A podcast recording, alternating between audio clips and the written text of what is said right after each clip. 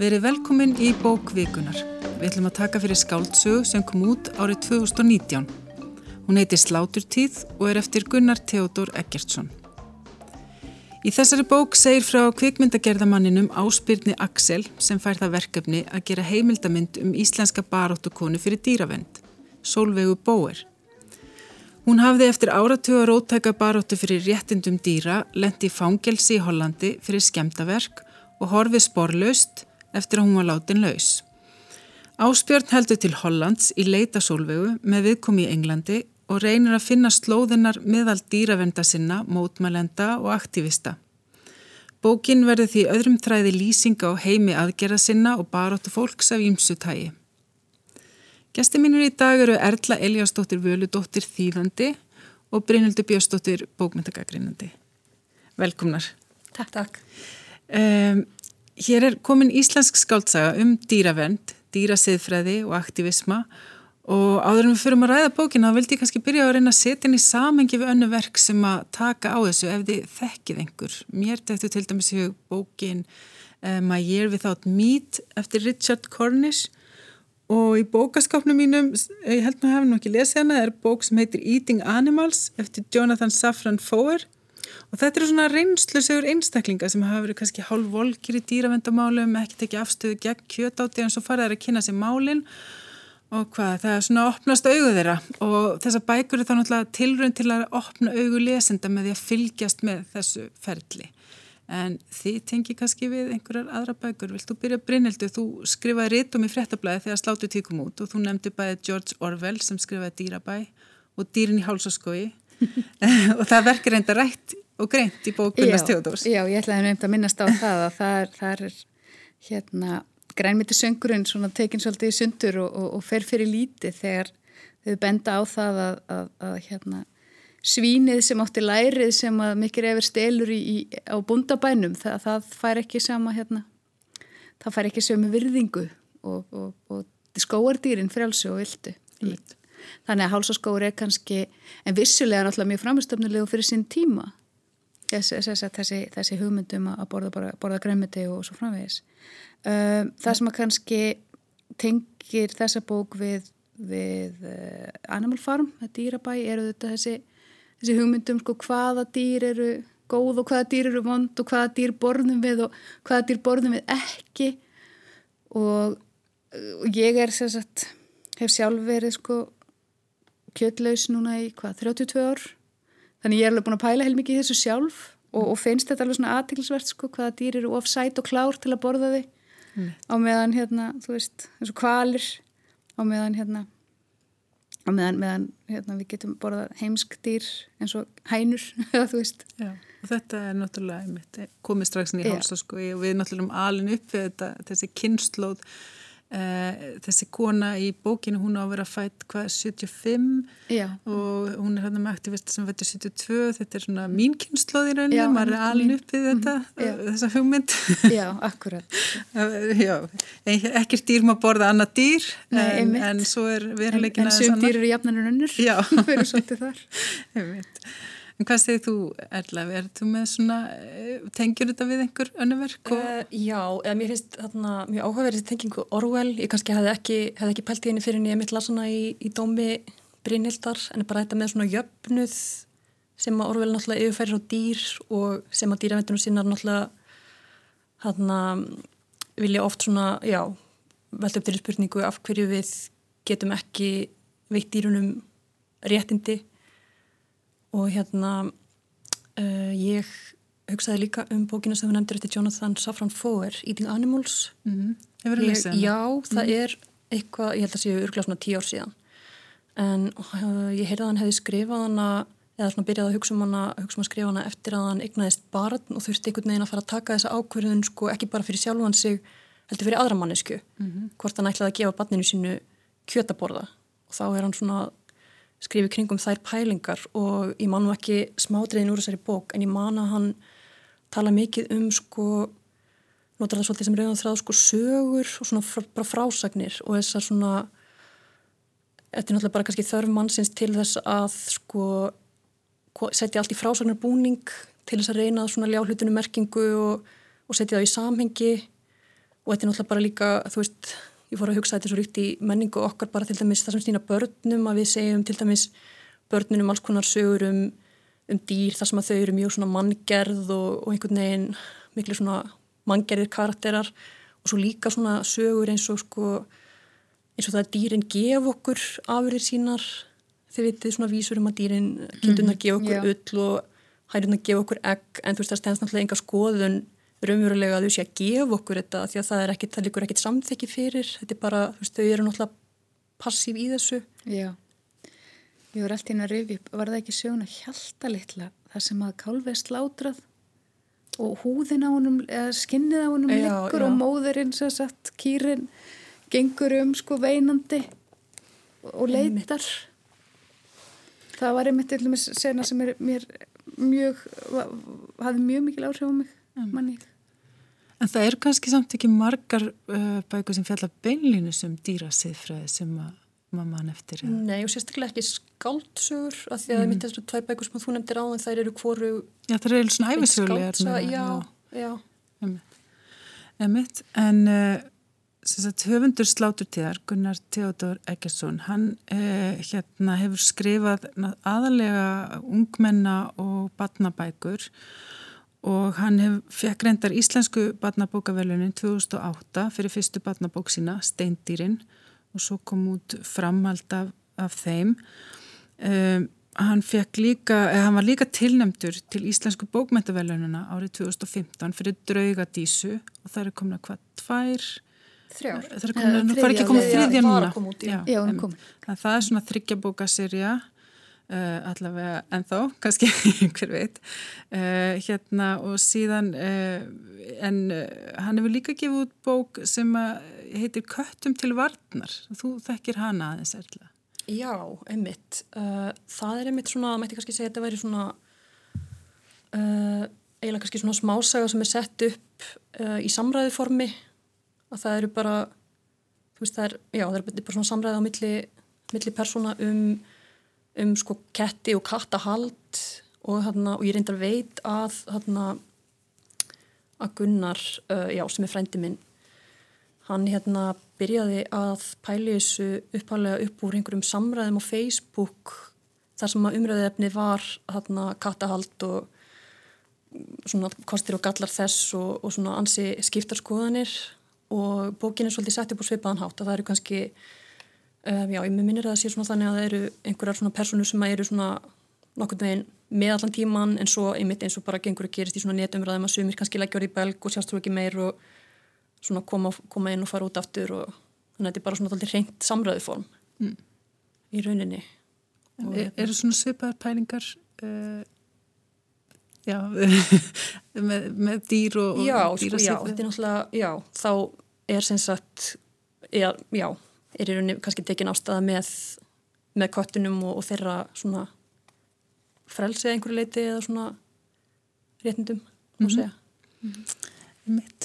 Uh, en já, hann Gunnar Teodor, hann er líka með doktorskráði í almennir bókmyndafræði og doktorsitgir hans fjallar um bókmyndir og dýrasiðfræði og í viðtalið við Kolbrunni Bergþórsdóttur í fréttablaðinu þá sagði Gunnar Teodor að skáldsagan hafi verið skrifið samhliða doktorsverkefninu, hann orðaði þannig Í rannsóknarferlinu var svo margt sem ég langaði til að talum og fjallum og marga þversagnir sem ég fann spennandi en þar henduð ekki fræðilega rítgerð en smellpössuð í skáldskap.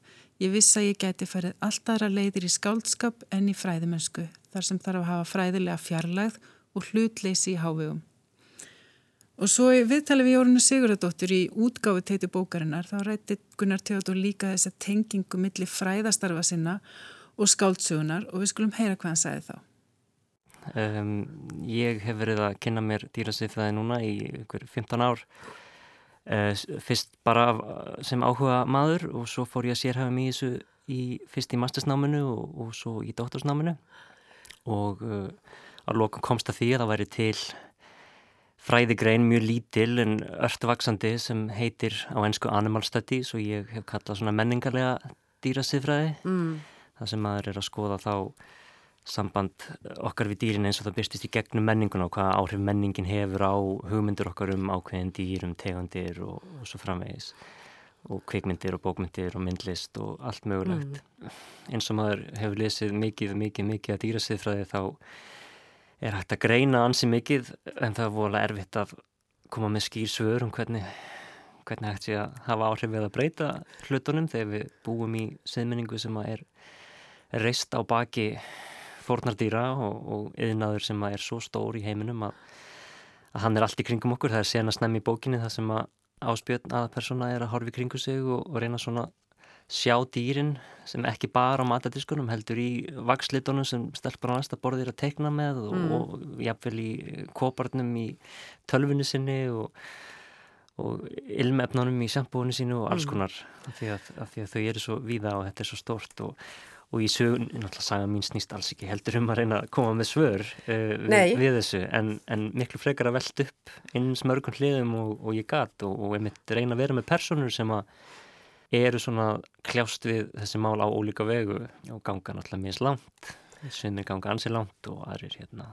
Og, og áspilni er náttúrulega svona, svona leitandi að reyna að skilja þetta og er, hefur sjálfur aldrei íhuga dýr að, að neina ráði áður. Nei, þannig að hann er að reyna að segja þessu Við heyrðum hér Gunnar Theodor Eggersson segja frá dýrasiðfræði pælingum í skáldsögu sinni Sláturtíð sem er bókvikunar. Aðalsöguhetjan er kvikmyndagerðamæðurinn Áspjörn sem stendur fram með fyrir sömu vandamálum vantarlega og höfundur þessara bókar. Hvernig á að fjallum dýrasiðfræði og dýravernd á þess að vera of tilfinningasamur, of pretikandi, á þess að falli greifði þess að setja fram stereotýpur hvað segir þið Erla á Brynildur? Hvernig fannst ykkur svona takast til að skrifa skáldsög um þessi málefni? Sko, mér fannst allavega greinilegt að, að höfndunum fannst mjög gaman að skrifa þessu sögu. Ég allavega upplýði það mjög stört því að því það, er svona, það er svona galsi í henni mm -hmm. og það er einmitt og þessar þversagnir sem hann talar um, þær eru settar fram sem sagt, sagt áspjörn er að, er að gera heimildamind sem gerir það verkum að hann getur sem sögumæður alltaf aðeins farið segja, bak við myndavillina og reyndið að þóst vera hlutlus sem, sagt, sem að afstöðulegs eða bara svona einhvern veginn reyn, reynir að lýsa passíft og það hefur öruglega verið mjög kærkomið fyrir Gunnar Teodor eins og, segir, eins og hann segir sjálfur hérna, þú veist að geta farið svolítið hérna og, og svona bara sínt kannski eitthvað sem hún þykir fyndið að fárunlegt í þessar þversagnir mm -hmm. sem hann mhm. upplifir og mér finnst hann gera það. Og, og það er til dæmis þarna kapli eða þarna það sem eru til dæmis komin út í sko hérna öfgahægri dýravendunar aktivista og það er til dæmis einn sem segir bara það er bara svo gaman að beita ofbeldi. Og þá allt er um að beita beita ha? Og, og svona sem, sem heimildagerðar maður getur áspjöld millist ekki okkar verið bara einhvern veginn svolítið tekið þetta inn og, og svolítið svona miðla þessu og, og þessum, þessum hugmyndum sem eru þetta verða þetta aldrei skrítnar þegar eru komin í þennan búning. Já, fannst, já sammála, mér finnst líka áspýt kannski að hafa þann kost sem sögum að svona bókar að hann er að koma svo nýr að þessum pælingum að hann er bara einhvern veginn læti bara einhvern veginn berast með og er ekki innvíður ef svo má segja, þannig að hann er bara einhvern veginn að sjá og, og upplifa svo margt í fyrsta skipti eins og kannski lesendur sem að hafa ekki pælt mikið í þessum hlutum og koma bókinni og eru kannski daldið á sama báti sko mm -hmm. en, en já, mér fannst einmitt sko daldið gaman sko hvað mér fannst einmitt hefnast vel hjá honum að vera ekki svona ofpredikandi eða svo leiðis mm. en svo einmitt veit ég ekki hvað að því að þú veist, ég náttúrulega segi það kannski sem manneska sem hef einmitt lengi kannski pælt í þessum málum og, og þannig ég veit ekki alveg hvernig þetta horfið við fólki sem er svona ekki komið djúft í þær pælingar fyrir, hvernig það virkar sem bara svona fyrsta Þannig að er, maður sér það að hann er að reyna að setja þetta fram alls konar fræðslu, það eru ofbúslega miklar upplýsingar í raunni, fyrsta lagi bara um dýra, siðfræði og dýravend en svo eru allar, setur hann fram alls konar skoðanir, andstaðsjónamið mm. og, og mm. allt sem, bara hluti sem hafa komið greinlega upp í umræðinni já. og hann, set, hann setur þetta til dæmis mjög mikið upp sem samtöl og rildi á milli fólks já, sem kannski hefur enga niðurstöðu. Það er eins og í kattabókinni sko, það er svona vera bara svona, þetta er svona sokratísk umræða kannski einhverju liti. Akkurat, svona samræður bara sem að verða stundum svona já, já svolítið, svolítið svona hvað er svolítið kenningalegar eða svolítið fræðilegar svona sem að Já, stundum sér maður að það kemur svona langar ræður og þá er svona, já, ákveðin svona umræða við erum að taka ákveðina umræða já. en hann er greinlega að reyna að fara þessa leið að reyna svona að fletta þessu inni já. í staðin fyrir að kritika það er mér að segja að það var á einhverjum stað í bókinni þar sem að hérna, áspýtum var svona meðvitaður um að, að eitthvað virkaði einhvern veginn æft, hann var að taka upp eitthvað, þarna, einhverja svona innræðu hjá einhverjum í matabóði mm. í Hollandi og þarna allt í einu var svona meðvitaður um að þetta, þetta virkaði eins og bara eitthvað svona stofudrama eða eitthvað svona, eitthvað svona auður performance. Já, einmitt. Og líka sko að því að, að, því að þegar maður fyrir að hugsa, veist, það, það er eitthvað neginn, búið einfalt eða bara, það, það, er, það er auðvelt og veist, ég var 18 ára og þá var mjög auðvelt fyrir mig að segja bara ég ætla ekki að borða dýr en svo ætlar aldrei að vera í leðurjaka og þá, mm. hmm, þú veist og ætlar, hvað, þú veist, hvað, hvers, já, hvað ætlar að fara lánt mm. og til dæmis, þú veist, og það er í raun eitthvað sem ég finnst lemst að hafa breyst bara tölvert mikið undan farin ár. Hversu munurinn á því aftur svo ég skal alltaf að vitna í mína reynslu þegar ég byrjaði þá hætti ég að borða sagt, dýr með fætur held ég hafi verið skilgjörningin hjá mér. Og, og þannig ég borðað fisk. Og núna er, er telst það eiginlega ekki með þó það hefði verið þá og þá var það bara hvað er það að gefa þér að borða. já, já og nú er það bara frekar hallarislega þú veist það er bara svona Þannig að já, núna er það bara hérna, ert í leðurskóm sko. Já, já, já bara og þú veist, hreinlega sko kemur bara snertir þau eitthvað sem hefur snert, þú veist. Já, dýraafur Já, já Það er náttúrulega líka bara miklu auðveldara í dag að sneiða þau dýraafurðum heldur um var fyrir, þú veist, 10-15 árum bara, þú veist Já, og þetta er eitt af því sem hann tala svolítið um líka já, í búina því að þessi, með því að láta þessa eh, aðgera konu sem, sagt, vera, sem hann er að leita uppi að hún sé á þessum aldri fætt mm. uh, 70 eitthvað að þá hefur hún gengið í gegnum þetta tímabild þessum frá því að hún var svo ofbóðslega rótækt það er ekki lengur svo rótækt hann tala líka einmitt um svona markasvæðingu veganismans kannski líka að mm. þú veist mhm. að nú er bara, er allir farnir að þú veist, auðlýsa eitthvað gerfikjött í dagblöðunum og bjóð upp á það í einhverjum fínum mötunitum og, og eitthvað þannig sko. Já. Já og þá verður þetta einmitt sko siðilega þar sem þetta var eitthvað sko svona utangarðs Já. þá er hann að fjallum þú veist þegar, þegar þau telja sig þannig einhvern tíma geta sko valsað inn á eitthvað steikhús Já. og hort svona grimdar augum og bara við lofum ykkur sömu pyntingum og dýrinum sem þeir eru að borða þú veist og eitthvað svona og telja sig svo, svo, svo yfir sko telja sig svo superior þú veist telja sig svo yfir hafinn að þau, sem sagt, yfir ofbeldi hafinn gerðsamlega óvitandi um að þau eru að hóta ofbeldi mm. veist, og það er allt, allt, allt þetta sem ég fannst skemmtilegt, það eru margar svona kveikjur í þessari bók, mm. finnst mér Já, einmitt, það, er, það er þetta með einmitt, það er aldrei innfalt mál, það er, verður mjög augljóst Já. og hann er náttúrulega góður eins og sæðir hérna er alltaf með sögumannin sko, eða sögupersonuna sem að hérna, því hann er alltaf baku myndavilina, þá er hann náttúrulega einmitt svolítið hlutlaus mm. og, og hérna, getur skilt sér á baku henni eins og hann segir hann þarf ekki beinleins að hafa skoðanir eða ganga allar leið sjálfur hann fær sér kannski bara hambúrgara Já og, og, og svo líka hvernig hann sko, eins og kannski við, þú veist hvernig hann er bara svona eins og hann gerir í fyrrimyndinni sinni þessari mynd sem hann minnist á sem var svona, þá var hann að vinna með flótafólki og hælisleitundum mm. og þá gengur hann inn í þeirra líf en veitu þetta alltaf að því að hann á heim í hafnafyrðinum eða hver sem hann átti heima, skiljið, getur alltaf farið heim. Er svona svolítið túrismi Svo, Já, hann er nefnilega túristi, hann er nefnilega akkurat það sem hann er. Og sama þegar hann ákveður svona já, ég ætla að sín ekki best að hætta borða kjöt svona fyrst ég er að gera í þessu verkefni. Já, þá ætla ég að þú veist og gengst já. upp í því og svo er hann bara, þú veist Það er engin skuldbinding við málstaði þannig slíkt, það er bara svona já, hann, hann er bara svona hendistefn og það er bara þegar það hendur honum mm. og náttúrulega, þú veist, kannski, einhver, eh, kannski er einhverjar, eða þú veist tískusveiflur í því líka mm. núna að vera vegan eða, mm. eða ganga langt og, Það er spurning með hann sko við tölum um hann meira sem personu sko hvort þetta sé einhver leiti þroskasaga uh, líka, hvort að þú veist menna, svona í lokin þá kannski hann er svolítið gengin málstanum á vald, ég meina hann hrýfst svona með mm. og tekur þátt. Já. en það er kannski, maður veit ekki hvað gerist svo. Já, já. Og, og emitt og svona emitt og alveg í lokin þegar hann einhvern veginn búin að fremja svona sína örlittlu hetjut á sem sína, síðan verður til einskis. Þannig að það er nekkur neginn dý, dýrið hans er síðan lifir síðan ekki nei, nei, og þá, þá svona og svo, já og svo lýsingaður hann í lokin á því hvernig þú veist, hvernig síðan hvað maður segja, líkunum af hænunum er síðan dreift til annara dýra sem, og þau dýr meg að borða kjött þú veist. Kettir og svona með að borða kjött, rándýrin með að borða kjött mm. en, en, en við getum fórtamt fólk sem gerir það, alls konar einmitt. Og, og svolítið óljóst hvernig afstæðans er kannski eða Já, já mjög hressandi því það, það, það er svona lesandin alltaf að hugsa já, mér finnst það, en, en mér finnst já, mér finnst líka, já, mér finnst þetta og mér finnst þetta. Og hérna, já og það er svolítið bara pá einmitt að mynda sér sín eigin skoðun en, en er ekki eitthvað neginn mm. það er ekki að gangast inn á skoðun höfundarnasi mm. því að hún er freka falin eða, veist, Já, hún er, hún er ekki það, hann er ekki að matana nei, í okkur. Nei.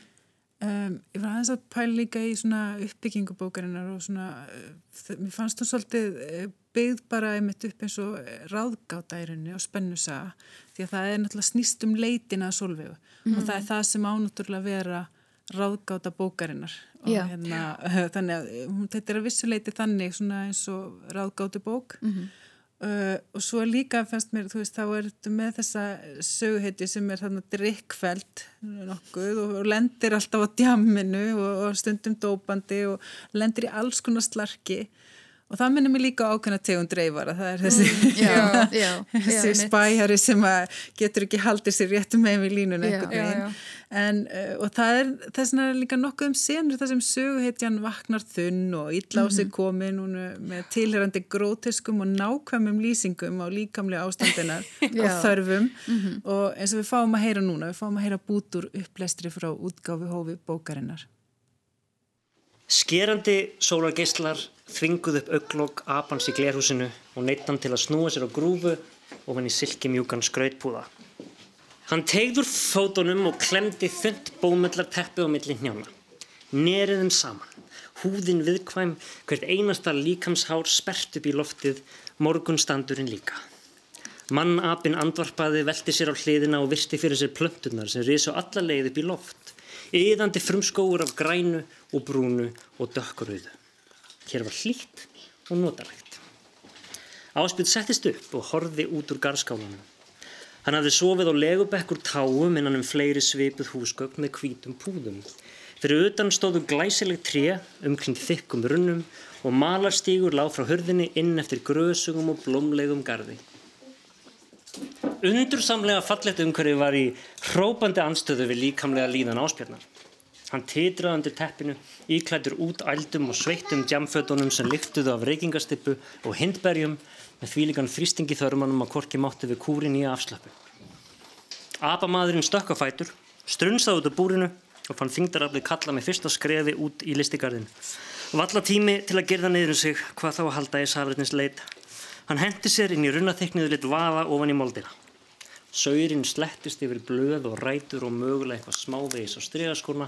Hann skeindi sig með laufum, bölvaði sjálfum sér fyrir að, hæ, fyrir að nota hægri höndina, ekki þá minstri eins og ávist að gera, þurkaði sér með fleiri laufum, leitaði vatnin í húsi og fann vökunarkönnu í einu horninu sem dugði til að skóla fingurna. Kverkarnar voru skraufþurrar og brjóstsviðin ætlaði að drepa. Áspill fekk sér sopa, vatni var volt og vond fullt af plöntuvítaminum, en hann kynkti því samt ræsti sig og gaf frá sér undarlegt kvæs. Þá rak hann augun í myndavilatöskuna og uppgöttaði sér til innilegra gleði að vélinn var enn á sínum stað þótt ekki var að hægt að kveikja á henni lengur. En það útkerð og orkulauðsins og eigandin. Hér las Gunnar Teodor Ekkertsson upp á bókvikunar, skáltsugunni Slátur tíð. Upptakan var gerð á útgáfa hófbókarinnar. Eh, gesti mín eru Brynhildur Björnsdóttir og Erla Eliasdóttir Völudóttir. Eh, ég var svona einmitt að spá í e, ykkar viðhorti söguhetjunar en mér langar líka kannski að fara inn í þetta með þessa grótösku og líkamleika. Ég fór nú eiginlega bara að hugsa um þetta á leiðinni inn í stúdíu að þetta er náttúrulega kannski tilrönd bara til að sína hvað við erum dýrsleg. Við Já, erum líka dýr og einmitt. það er náttúrulega að því að ég var líka svolítið hugsi að það er ofbóðslega mikið, mér fannst þessu bókstundum bara fjalla mjög mikið um grettu og kynlíf og það er rosalega mikið af kynlífs og sjálfsfróna lýsingum og ég var um að hugsa sko, hvort það væri tilgangur en einmitt, jú, við erum afskaplega dýrsleg eða hvað, er þetta, það kannski drefur það fram? Já, svo er svo mikið fjallað um apa líka og jáfnvel apa í, þú veist, einhverjar svona hugmyndir og lýsingar á öpum í kynlífsatöfnum og alls konar og svo hérna þegar að hérna undir bókarlokk þegar að áspyrnir komin hérna í gardin hérna á hérna sveitasettirinu og þá er það bara orðin eins og einhver mann api sem er að gera þarfi sínar í bara út undir byrju lofti og einhvern veginn og já, það er náttúrulega mjög mikið um kynlíf og, og grettu og sko og ég held að sé alveg bara mjög meðvita verið að svona kannski líka þetta tala um sko klám og hlutgerfingu og svona daldi saman sem merkja um hlutgerfingar á mannfólki og nýtingar og dýrum. Þú veist, ég held að það sé alveg greinilegt svona stefi stefi bókinni sko og hvernig áspjörn sko lítur á sitt svona tímabundna kjötbindindi já, lítur á það sem bindindi í rauninni að borða ekki kjöt í einhverja nokkra daga og, og ákveður um leið að fara í einhvers konar kynlífsbindindi eða sjálfsfrónarbindindi og hérna eins og var einhver staður þar sem hann er svona spáið í hvort hann verði virkilega sko neyta sér um hvort tveggja, þú veist, er þetta ekki full mikið bindindi einhvern veginn? Að taka ekkert, þú veist, ekkert kjöt, ekkert mm. kynlíf. Mm. og þetta líka með, það var einhvers lína með sko hold, eitthvað svona kjöt er hold, hold er kynlíf, eitthvað svo leiðis Já, það er bara bókstræði tengingar Já, já, já, já holdlega. en, en svo er þetta, er hann náttúrulega líka gaur, þú veist, hann er alveg rosalega mikill hann er mjög svona dæmigerður gaur úr svona gaura, þessum gaura bókmyndum í raun og veru, þessu gaura bókmynda grein. Stáfangur bónir sem hann vonar að já, og svona einhvern veginn og... svona með rosa háar hugmyndir sem um hann sig sem síðan einhvern veginn hafa alla beðið skipbrot og já, já. hann einhvern veginn í, allar veljónastitt utan í kjallarnum hjá mömmu og, og, og hann svona, já, hann er svona þessi, þessi tíndi týndi strákur sem er bara, já, sem er alveg líka, alveg svona útaf fyrir sig alveg leðastef í íslensku bókmyndum svona sérstaklega setni tíma svona þessi, þessi, já. Og eiginlega í ástarssorg kannski hann hefur verið hann einhver sambandi það er, er ekki nýbúið en hann hefur einhvern veginn uh, ítt í frá sér að díla við það og verðist vera þunglindu svolítið líka. Já, og, og einmana. já, einmitt, og er einmana og er einhvern veginn og, og allar konur sem er verið á vegi hans hann, hann hugsaður um þar, sko, hann langur að sofa hjá um öllum meira að minna, þú veist. Og hann er á tímabili, þá fannst mér hérna þannig en, í enska, enska partinum. Mm. þannig að hann er í Englandi. Þá fannst mér svolítið eins og hann væri sko, hann var svona eins og James Bond, svona licensed to kill and eat þú veist, einhvern veginn, og svo einhverjar konur með erlend nöfn sem er eitthvað eðslega hot og mysterious og lindadósfullar og, mm. og, og flottar og, og einhvern veginn. Og hann á, á þess að velta þeim öllum Já. öllum fyrir sér, þannig að hann er svona einmitt, þetta, þannig að það er svona eitthvað líka svolítið skemmtilega hann er svona, já hann og, og, og, og vinnur hans, þú veist, þeir, þeir eru það er svona, svona þessi gauðra stemming sem að kannski kannski rýmar ekki alveg við. Og svo aftur eru þessir helstu dýra venduna sinna sem hann hittir eru þessar konur Já. sem er einhvern veginn mm. svona þessar náttúru þær eru að berast fyrir náttúrun og þær eru að, er að fara út í öfgar og svo framvegis. Og meðan hann er einmitt bara sjálfur svolítið dýr. Og það eru náttúrulega alls ekkert að lifa upp í fantasíunar heldur, það eru svona mjög takmarkað á áhuga samar það eru ekkert áhuga samar um hann. Og, og einmitt það sem hann vil fá frá sólvegu Já. þú veist að hann einhvern veginn einmitt, hlutgerir hanna líka eða fyrir að velta fyrir sér hárun á hann hún er nú bara svolítið sætt, hún sé það sem aldrei og laga eitthvað svona og einmitt og langar í hann og þarf að fá eitthvað frá henni. Og svo vil ég ekki eðilegja fyrir já, lesendum já. en, en, en, en hvernig það, hvernig það leysist, leysist upp eða þú veit, það gerir það líka verkum. Og svo alveg í blálókin þegar hann einmitt heldur að hann sé að fara inn í einhvers konar, já, brjóta þetta sjálfsfrónu bindindi sitt og hvernig það er síðan nýtt saman. Já, mm -hmm. einmitt einmitt já, hann er alltaf að leita eins og þú sagðir með sko ráðgáttu sögun, hann er alltaf að leita að solvegu en þú veist, en hann kannski veit ekki alveg hver hann er að leita að, Nei, af því hann þekkir hann ekki og hann veit ekki og, svona, og hvar, þú veist, hvað er aðskilnaðsinnin og hvað er manneskjan og er mm. Já, akkurat. Ég var um að hugsa þegar ég aðgerðasinnin. Við verðum að spá í sko personurnar í bókinni að þá er kannski tilgámslegast að vera að spája hvernig persóna er solveig því að hún er eiginlega ráðgátan sem allt gengur út að bæði það. mm, yeah. og það er bæði það með hvers konar persóna er hún því hann er alltaf að reyna að pústa því saman. Hún er svona dularfull eh, horfin manneskja og hvers konar manneskja er hún? Og hann alltaf býr sér til svona alls konar fantasýr um það. Mm. en sá líka náttúrulega hvað er hún, hvað gerðist í raun og veru? Það er ráðgátan. Þannig að hún verður kannski aldrei beint uh, ljóslífandi nema undir lókin kannski en, en mm. Já og hún náttúrulega segir líka við hann ég veit ekki eins og hver ég er á morgun þannig ég get sagt þér hver ég er í dag þú veist. Já, um, en já, það er uh, lesandin hann er náttúrulega eins og við sagðum á þann settur inn í alls konar átaklínir í gegnum samtöl og annað og uh, stundum fannst mér þetta svolítið mikil fræðsla en svona í heldina virkar þetta fyrðu vel að mínum að þetta allavega en uh, bókin er frekar laung og og þú veist, mér fannst stundum partísinnurna svolítið langar og margar og kynlýsafdrein voru náttúrulega svakalega mörg og svo eru hérna eitthvað, uh, svo fannst mér stundum ég að brengur ofiki eins og þetta með dvölin og vinafólki í Englandi. Svona, uh, ég hugsaði svona já þetta er svolítið mikið en hvað fannst ykkur um þetta? Verða þetta kannski bara hluta flæðinu, þetta er svolítið þannig bók, svona svolítið spríkl einhvern veginn. Já, ég fór, einmitt, já, ég fór einmitt eftir að hugsa bara um það sem að, þú veist að segja að hann, hann hefði langað að skrifa svo margt þegar Já. hann var að skrifa doktorsutgerina sína Já.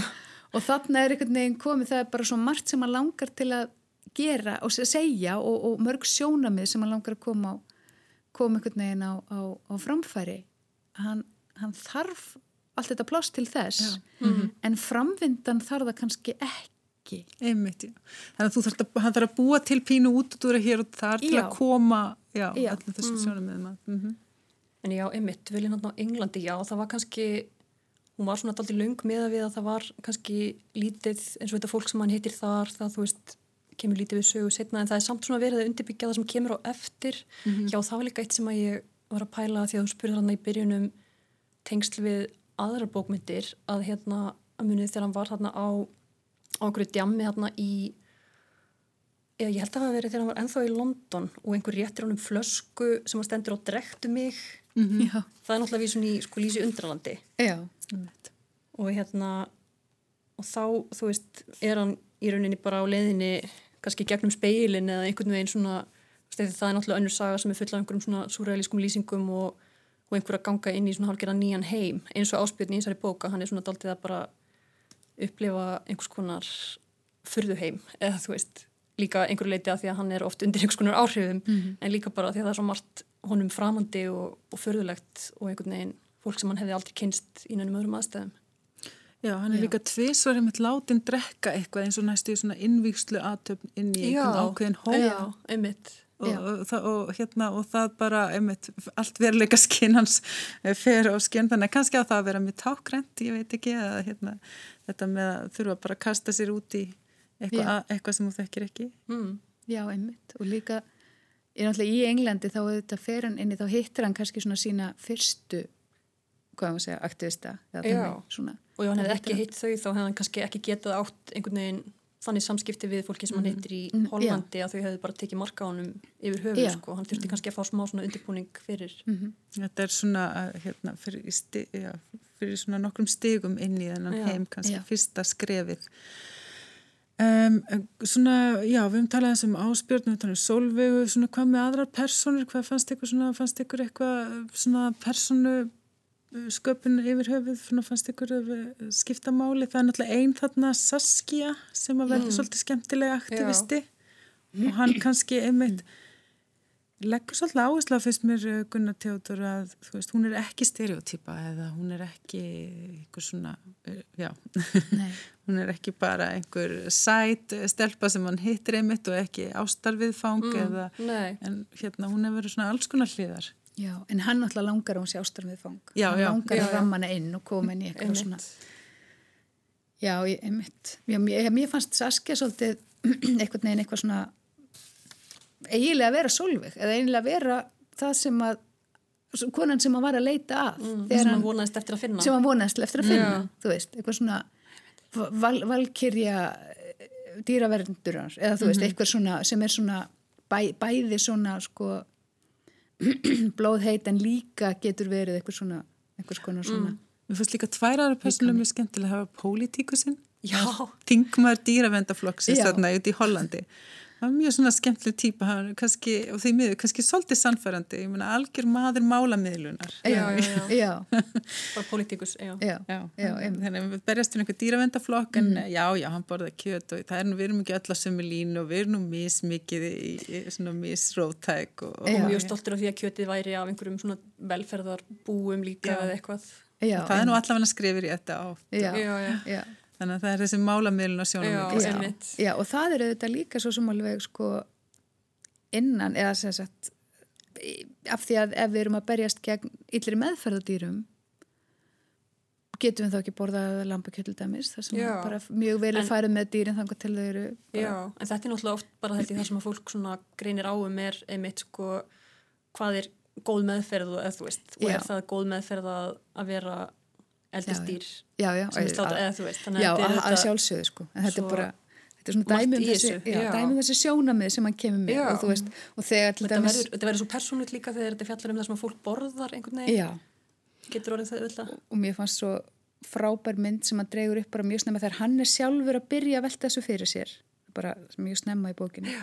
og hann er einhvern veginn, ég held að hann sé á BSI einhverstaðar og er svona lítið kringu sig þú veist, og sér, sér fyrst þú veist, við borðum kjöt og síðan fer hann að pæla í leðrinu og síðan fer hann að pæla í hlaupinu og síðan fer hann að pæla í sko, þú veist, einhverju, einhverju hlaupi sem er notað sko, til að vefja utan um kapla sem er notað í tölfur sem er búið til úr nautabeinum. Þannig að það er ekki vegan að nota þá tölvu. Og svo rekur hann augun í litla stelpu sem að situr alveg skurru grís og borða samlokum skinku osti já, og, og einhvern veginn, þú veist, allt, allar þessar já allar þessar myndir. Einmitt, hvernig dýr er einhvern veginn allt í kringum okkur bæði sko, sem svona bara afurðir já, í alls konar samingi og Já. líka bara einmitt í einhverjum svona söguheimi barna og já, bara já, og hvernig við, hvernig er við samræmum þetta. Já, hvernig við samræmum, þú veist þú ert að borða guru grísaskan þú veist. þetta er svo mikið svona, hvað heitir það, cognitive dissonance já, já. og við segjum ekki bönnum okkur Nei, það. nei, það er einmitt, eh, já, Brynhild, þú sagðir um bókina þegar þú skrifaði gaggrínin um hana að uh, hún væri fyndin og já, kaltæðin en það væri líka raunsæmynd af samtímanum. Það er náttúrulega húmor. Já, Og- það er mjög, mjög mikill húmor og bæði í, einmitt, í og í þessu eins og þú voru að tala um til dæmis, eins og í pólitíkusnum og eins og, eins og hvernig fólk er já, hvernig fólk nýtur stundum um sjálft sig í þessari, þú veist, um, um sínur hugsun eða þú veist, þegar það er að ham, þú veist, er að plæja áfram í sinni, sínum hugsunum og einhvern veginn, þú veist allt í einu, nýtur um þversögn og, og, og, og missi fótana mm. Svona samtíma lýsing. Já, og einmitt og, og einmitt þessi svona hérna já, akkurat þetta, þú veist hven, hven er, þú veist, hver, hver, hversu hreit hugsunamaður getur þið verið? Og ætla ég framt að taka þátt í nútíma samfélagi og ég held að það sé bara svolítið, mér fannst það bara svolítið vera einmitt svolítið leiðast eða við gegnum Já, bókina líka, já. veist, hversu, hversu heiðarlegu við sjáum að þið getur verið til að lifa í því samfélagi sem við erum í. Um, þú sagði líka í rítumum að bókin væri margla og við höfum kannski talað svolítið um það. Við, meni, það er alls konar hluti sem verður að koma inn og eitt af því sem að kemur inn á er einmitt er, bókin er líka um kvikmyndir eða eðli heimildamynda kvikmyndatöku og höfundurinn rætti það aðeins í viðtalinu við Jórunni Sigurðardóttur. Já, ég kann ekki kvikmyndagerð en uh, ég lærði kvikmyndafræði í Hollandi sem líka er náttúrulega stórt sögusvið bókarinnar. Vissulega. um, meirluti bókarnar á sér stað í Hollandi og mér fannst skemmtilegt að reyna að tengja kvikmyndirnar inn í þetta og leika mér svona svolítið að því að láta personuna vera að lýsa einhverju, einhverju sjónrænu sem hann heitlast af í gegnum texta og, og, og, og blanda þessu svona saman að vera að tala um kvikmyndir í rituðu máli. Hér talaði Gunnar Theodor Eggertsson um bók sína Sláturtíð. Aðalpersonan Áspjörn er kvikmyndatökumæður af mikilli ástriðu, algjör nörd og sá hluti reyn, virkaði reyndar mjög sannfærand á mig. Hvað finnst ykkur? Já, sammála. já. En já, þetta er mitt líka vekur upp svona áhugaverða pælingar um sko hlutleysi að því að auðvitað reyna heimildamindi gerðamenn að vera hlutlausir.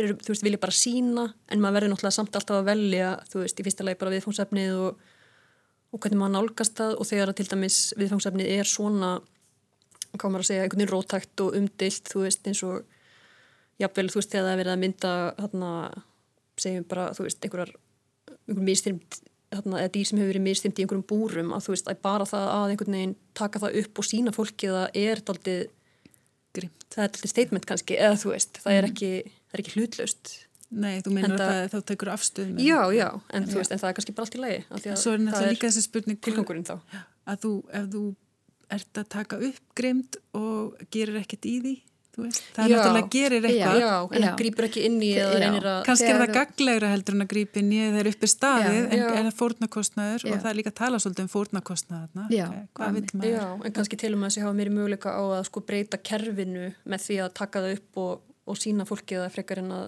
grípa inn í eitthvað, eitthvað tiltekið ámarkað atvik sem, að, sem hefur engin áhrif á heldina sko. Já, en þá erum við aftur með siðfræði því að, að, því að þú veist, ef, ef, ef, þú, ef þú ert byrjaðar að hugsa eitthvað konar, ef þú, ert komin á stað þar sem að þar sem að raukhugsun og tilfinningar fari í þetta samtal Mm. þá, hvar er þá ástriðan og hvar er, er aktivismin svolítið líka sko. Já, og hvað er, hvað er verið- lefilegu fórnarkostnaður líka Já, og þú getur alltaf talað þig inn á einhverja niðurstöðu þar sko. mm. Nei, einmitt, en mér finnst það líka eins og þegar hann er að tala um að ná myndum og hann er að velta einmitt alltaf alltaf að hugsa á ég að þú veist skjóta þetta Já. og einhvern tíman þá er hann á hann hálftíma eftir og er svona að velja í pínu panik hvað hann ætlar að mm. veist, hvað hann ætlar að hafa fókusin hvað hann ætlar að taka, hvað hann ætlar að sína hvað hann ætlar að eiga. Mér finnst líka mjög fyndin sena það sem hann er búin að vera að taka eitthvað upp hana, um kvöldið á barnum með söskju og finnst þetta allt svo frábært og svo horfir hann á efni daginn Já. eftir og bara, þá er þetta bara eitthvað svona allt einhvern veginn hreift og líka bara ekkert merkilegt einhvern veginn, þetta er svo bara típist Já, fyrir svona einhverju umræður sem maður kannski á undir áhrifum og finnst allt svo djúbvitust og svo bara, uh, já einmitt, og, og svo þegar hann segir einhvern oh, mér langar svo ekki já, já, hann langar svo ekki til að þetta verði einhver svona mynd um hann Já, að upplifa eitthvað. Já, og svo sér hann fyrir sér að hann muni kannski bara neðastlega hafa þetta mynd um sig eitthvað að gera eitthvað af því að það að því að efnið raðast ekki. Og svo náttúrulega samskipti hans við hérna við, Við loft. verkkaupan já, Já, við hennar loft, það er nú þessi Já. lögfræðingur sem er formaður dýra vendarsambandsins já, á Íslandi. Hann er svolítið skrítum personið mitt og, Já. og, hérna, og ekki beint líkur aðgera sinnunum, hann er Nei. svona lögfræðinga típa. já einmitt. og hvað hann vill fá út úr þessari mynd er síðan al, alveg sko Já, það kemur eiginlega ekkert skýring á því. það Nei. er kannski ekki ljóst sko. Nei, Þannig að, hérna, það er enda svolítið í lausu lofti með það, mm. það, það sá endi, hvað vill þessi loftur? en hann verðist ekki sáttur í lokin. En hann vildi kannski bara einhverja svona mjög klipt á skortna snirtilega sögu með upphafa miðju og endi en svo náttúrulega já, er það kannski að hægra sagt en gert. Já. En uh, svona í lokin það er svolítið gaman um þetta að fá, nú, það er hér, náttúrulega alltaf að aukast umræðan um uh, veganisma, um uh, dýravernd og svo framvegis og, og þannig að tala um svona þetta með að hætta að borða kjöt og alls konar forsendum. Þannig að það er náttúrulega gaman að fá skáldsögu sem að tekur svona mikið á þessu um, og það er náttúrulega líka að tala um það mikið þarna hvernig viður okkar til dýra og er að breytast eins og við sögðum og veganismin er alltaf orðin mjög algengur og svo framvegist. Ég meina, sjáu þið fyrir ykkur að þetta, ég meina, þetta mun bara halda áfram að þessi þróun og Já, Já. ég sé ekkit ástæðu til annars sko. ég reyndar var allt í hennu mun eftir einni bók sem er hérna uh, Norðnin eftir Hildi Knútsdóttur Já, þar sem er, sem er, sem er svona framtíðasín þar sem að e, fólk er hægt að borða dýraafriður bara alveg og, og Íslendingar eru með reysastór gróðurhúst um allt land og þar eru, eru bara ræktar alls konar bönir og, og, og, og, og soja og, og svona. Og svo framtíðasín sem er að mörguleitur hallveikendi en, en, en svona líka bjart sinni í henni sá hluti hennar allavega fannst mér frekar svona rökrittur mm. þannig vegna þess að, að það er sem er ekki komið inn á í þessari bók af því það er bara að vera að fjallum í rauninni þessa siðfræði og þessa, mm. tilfinningatengingu eða, eða þess að hvernig eigum að meta dýr í, í lífkeðju með okkur sjálf þá eru umhverfisvendasjónum með í, í sambandi við, við dýrahald ekki, ekki Nei, til umræðu mikið sko einmitt. sem eru þetta kannski bara önnur bók Gunnar en já, er einmitt alveg framtíðar spurning sko. Já, Einmitt. og þar með líkur þessum tætti um bókvíkunar sem var slátur tíð eftir Gunnar Theodor Eggertsson. Erla Eliasdóttir Völudóttir og Brynundur Björsdóttir voru gesti þáttarins og fá bestu þakkir fyrir sína þáttöku. Og þeir hlustundur sem vilja áfram hlusta á viðtöl og annað tengt þættinum geta farið inn á heimasíðu þáttarins rú.is skástrygg bókvíkunar. Þeir eru sæl.